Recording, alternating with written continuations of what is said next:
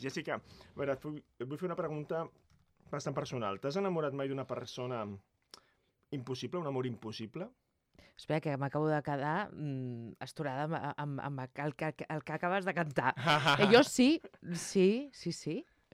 Ara, ara t'anava a dir moltes vegades, així ràpid, sense pensar, però després he pensat enamorar-se és com molt gran, no? És com molt important. És sí, molt gran. És als l'home 15 grande. anys, als 15 anys t'enamores com molt més ràpid, d'altres cosetes, mm, no sé, me, menys pesants que quan ho fas als 20 o 25 anys, no? Hi ha diferents etapes per enamorar-se. Però tu m'estàs parlant d'aquella etapa dolça dels 15, de les primeres vegades, no? Exacte, exacte. Això, a mi a mi m'ha passat, eh? o sigui, això, això és real, eh? O sigui, eh, gossip total, eh? Cotilleo. A veure... Eh, Explica, explica. Sí, sí, sí, jo quan tenia 15-16 anys em vaig enamorar, però, però de veritat, enamorar moltíssim, com un adolescent es pot enamorar, Mhm. uh, de la noia més bonica i més bona persona del meu institut. Érem eh, companys. Però ella anava un curs més que jo. Era un, un any més que jo. O sigui que jo era, vamos, estava fora de, totalment de la seva mirada. Ella es mirava els més grans. O sigui que era impossible. Però vaig un dia, que a mi ja m'agrada l'òpera, perquè a mi m'agrada l'òpera de tota la vida, doncs vaig i me la trobo a una funció de l'Eligir d'Amore. Que això era un, ja... Bueno, mm, o sigui, era perfecte. Era una senyal del destí, perquè precisament l'Eligir d'Amore és una òpera que parla d'un elixir màgic que quan te'l veus, aquella persona que tu estimes, eh, aquell amor impossible, doncs s'acaba enamorant de tu al cap de 24 hores. El que passa és que em va trigar una miqueta més aquest elixir, com 4 anys més tard, als 19, aleshores eh, sí que aquesta noia es va fixar en mi per fi, i vam començar a sortir, i mira, va anar bé perquè avui dia és la meva dona i la mare dels meus fills. Doncs no se m'acut res més interessant i més important que per donar pas a la sintonia.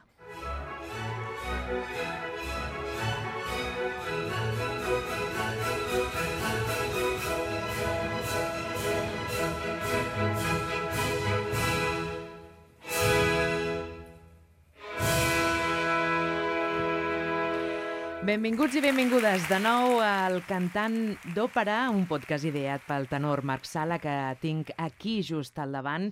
Us parla Jessica Sotodossos des dels estudis de Cugat Mèdia de Sant Cugat del Vallès. Aquest és un programa fruit de la col·laboració amb l'associació Apropera i la Fundació Òpera a Catalunya i compta amb el suport de l'Institut Català de les Empreses Culturals.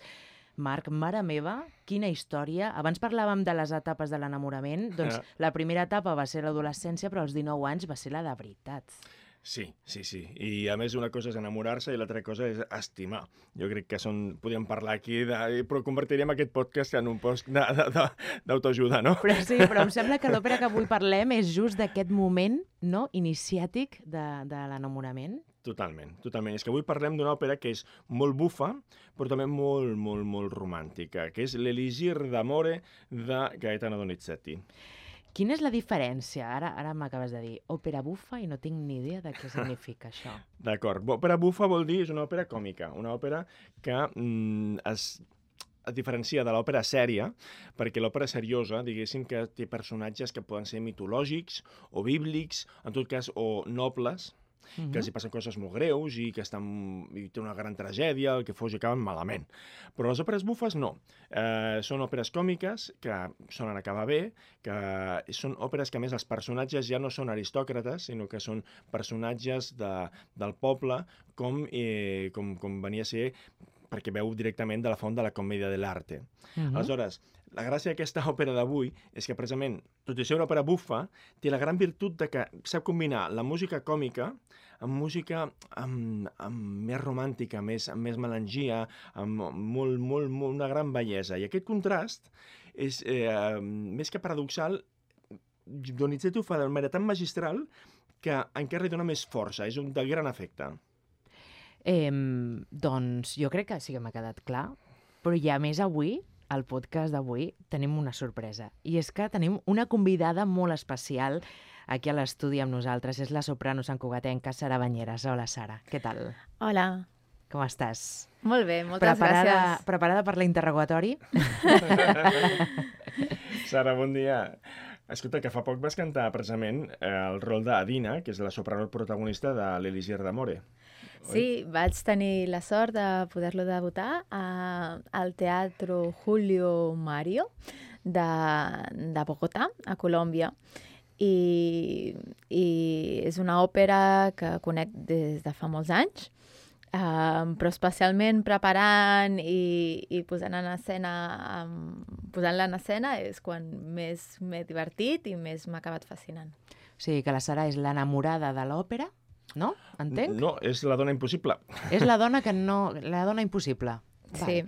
Doncs, mm, abans d'entrar en matèria, Marc, jo crec que ha quedat claríssim que m'has de posar, m'has d'explicar l'òpera. En què consisteix? Com funciona? Cinc cèntims. A veure, si voleu conèixer l'Elisir d'Amore, heu de saber que és una òpera amb música de Gaetano Donizetti i amb llibret, el text, de Felice Romani, que és un dels grans del seu moment també. Eh?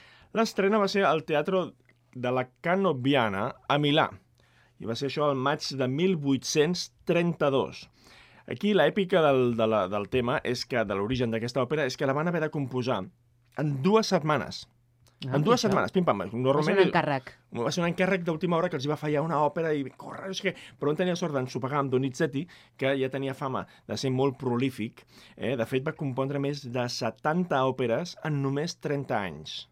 O sigui que, si fas comptes, eh, és un ritme frenètic, perquè no va tenir una vida massa llarga, tampoc, Donizetti, i era tan així la seva mm, capacitat d'escriure ràpid, de fer tantes òperes, que en comptes de Do- Donizetti li deien Dozzinetti, perquè feia les òperes per dotzenes. I és una... eh, Vosaltres què, què opineu? És una de les millors de, del compositor? Bé, jo crec que això va una mica per gustos. Depèn de si t'agrada més eh, l'òpera bufa o l'òpera sèria.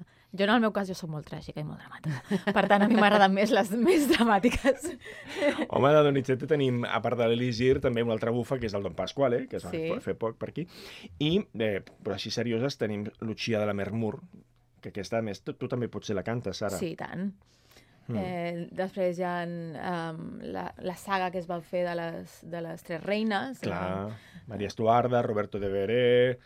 Déu-n'hi-do. No, Sí. és un, un compositor que té per anar descobrint moltes... Molt, eh, tenim podcast pendents. Sí, no? I la favorita, i la. Fido Regemont... Bueno, té moltes òperes, Sí. Donizetti molt xules.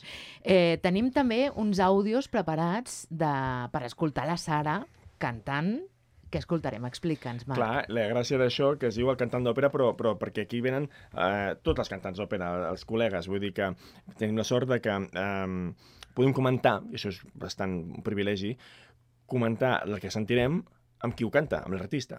Eh? Sí. Sí. Això, aleshores, la, la Sara ens ha passat uns àudios d'aquesta estrena que va fer a Colòmbia i hem escollit uns fragments i ara us proposo que sentim un, un fragment de l'àrea final de, de Dina, que és eh, Prendi, Permese i Libero. No sé si tu, Sara, ens pots explicar breument què està passant en aquest moment.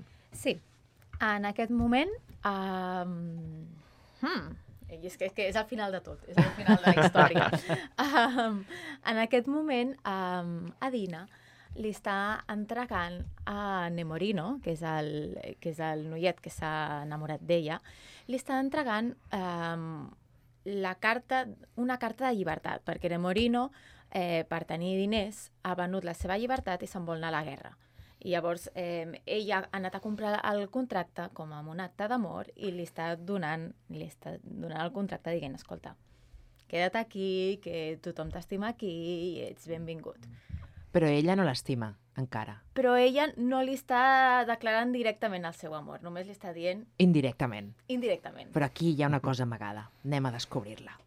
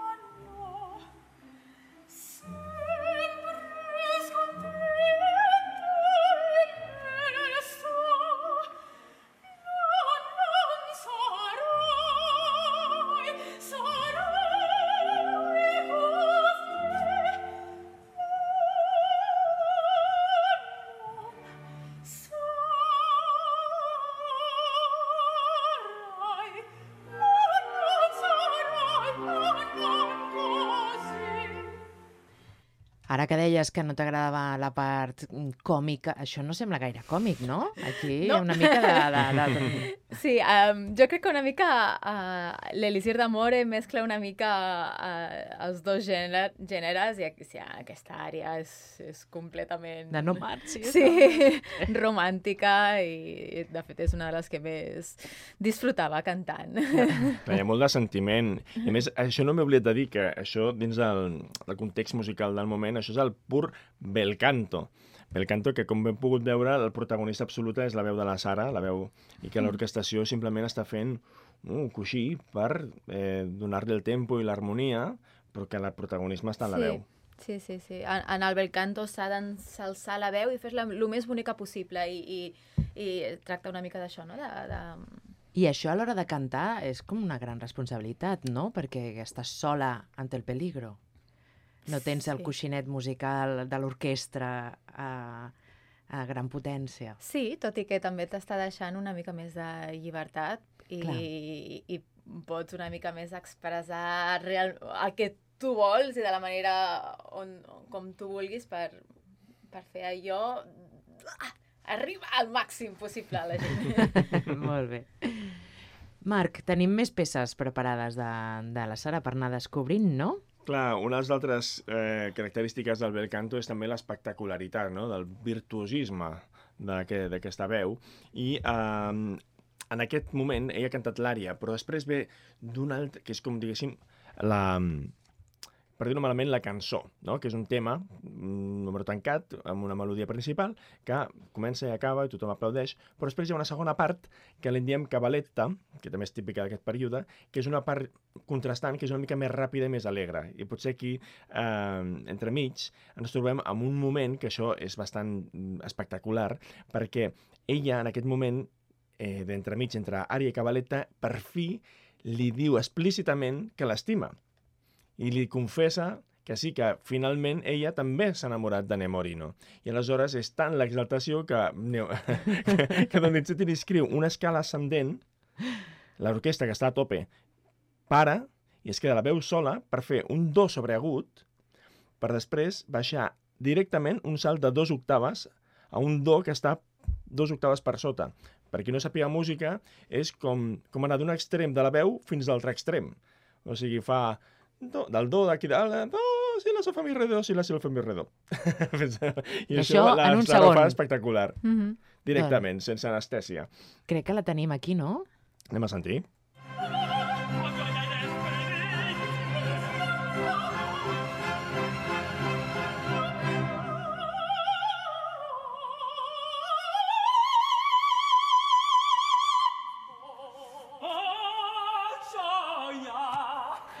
Ara sí que ho he entès. si ho fa la Sara. Déu-n'hi-do, Sara, què? Eh, a mi em donava molta adrenalina aquest moment. Sí?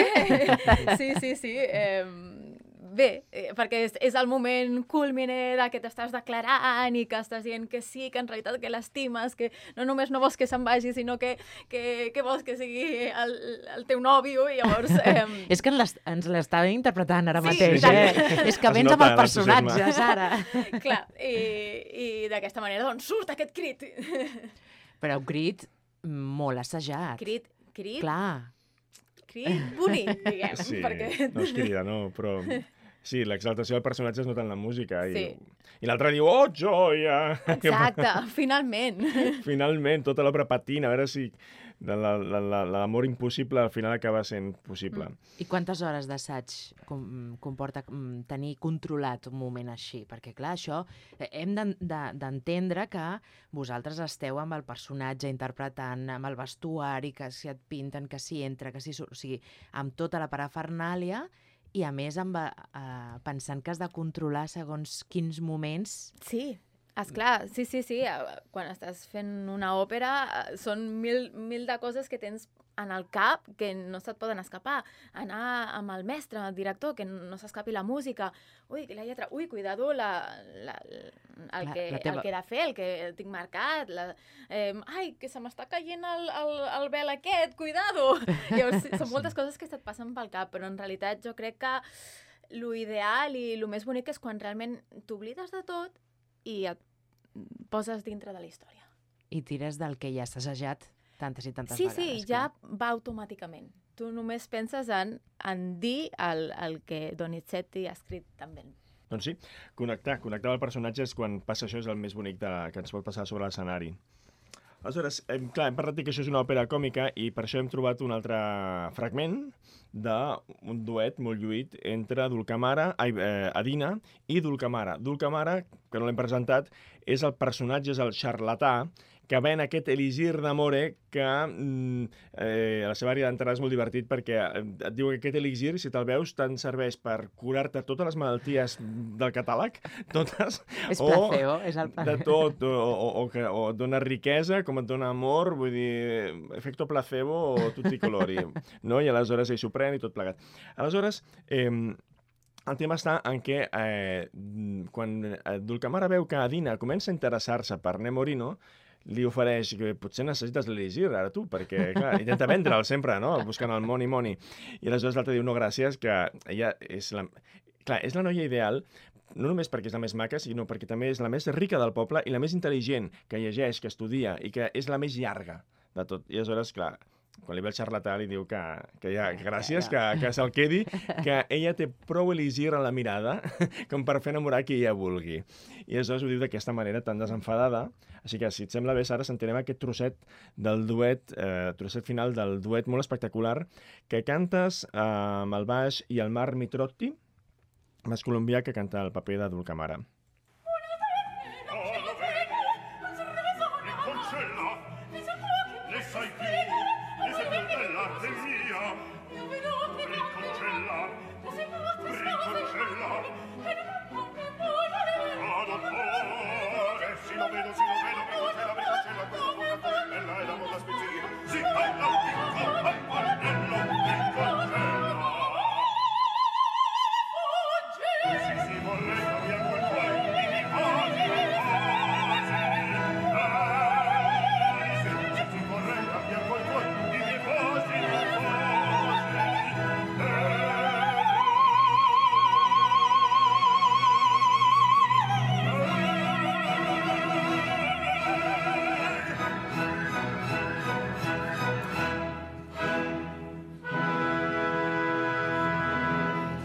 Bravo!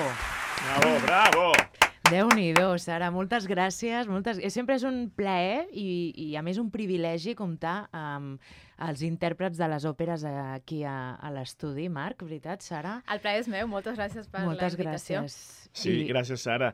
Aquesta és una òpera que realment surts al teatre amb un somriure a la boca, no? Perquè t'has emocionat, hi ha hagut la part emotiva, però també la part divertida. O sigui Sí. que val molt, molt, molt la pena.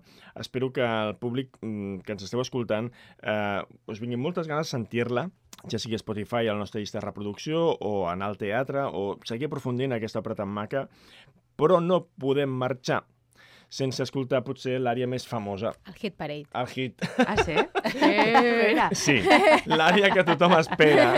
I això és bo i Està, dolent, està eh? el públic Tothom està esperant a- que arribi aquest moment.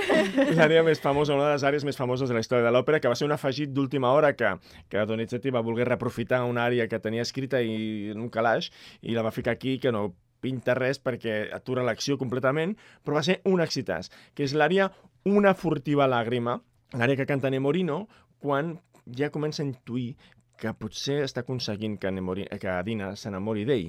I per fi diu, ja em puc morir, ja em puc anar a la guerra, és igual que em passi perquè he aconseguit que m'estimi.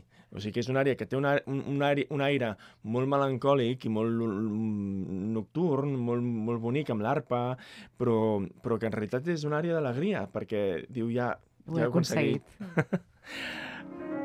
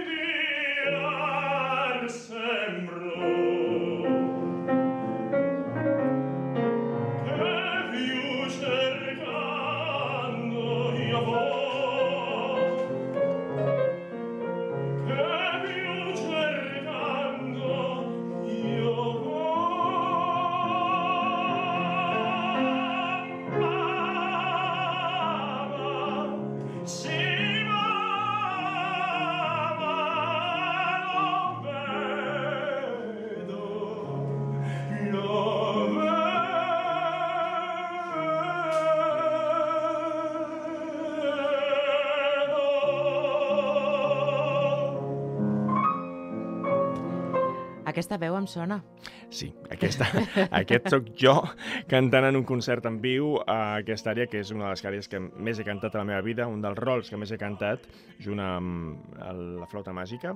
I aquest és un concert en viu que vaig fer amb l'estimat pianista Ricardo Estrada. Mm -hmm. Uh, és una àrea que, que m'estimo molt i bé, eh, espero que, que, que la gaudiu. Uh, Va, finalitzem ja el programa, ja, i ens I ja acomiadem i deixem aquests, mi aquests minuts per, per poder gaudir d'aquesta de Hit Parade, com deia la, Ah. la Sara.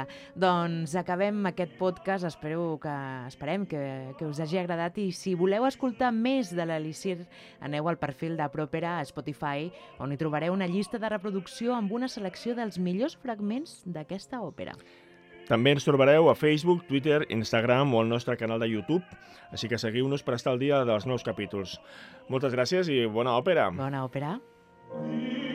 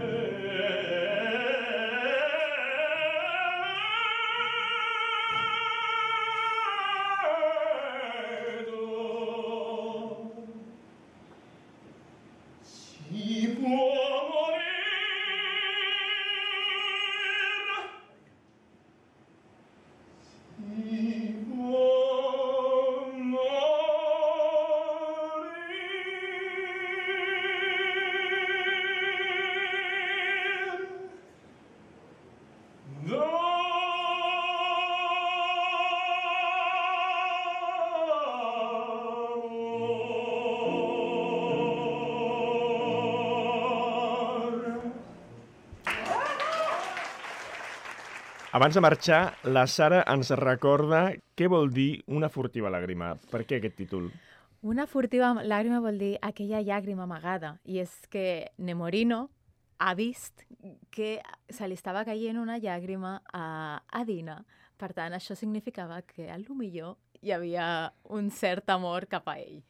Exacte, doncs amb aquest punt important eh, ja sí que ens despedim i ens acomiadem i ens veiem a la propera, al proper capítol d'aquest podcast, el Cantant d'Òpera.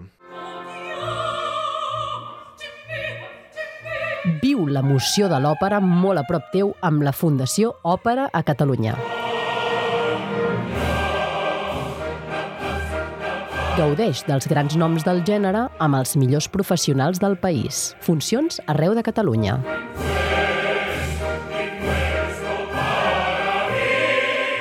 Més informació a operacatalunya.cat.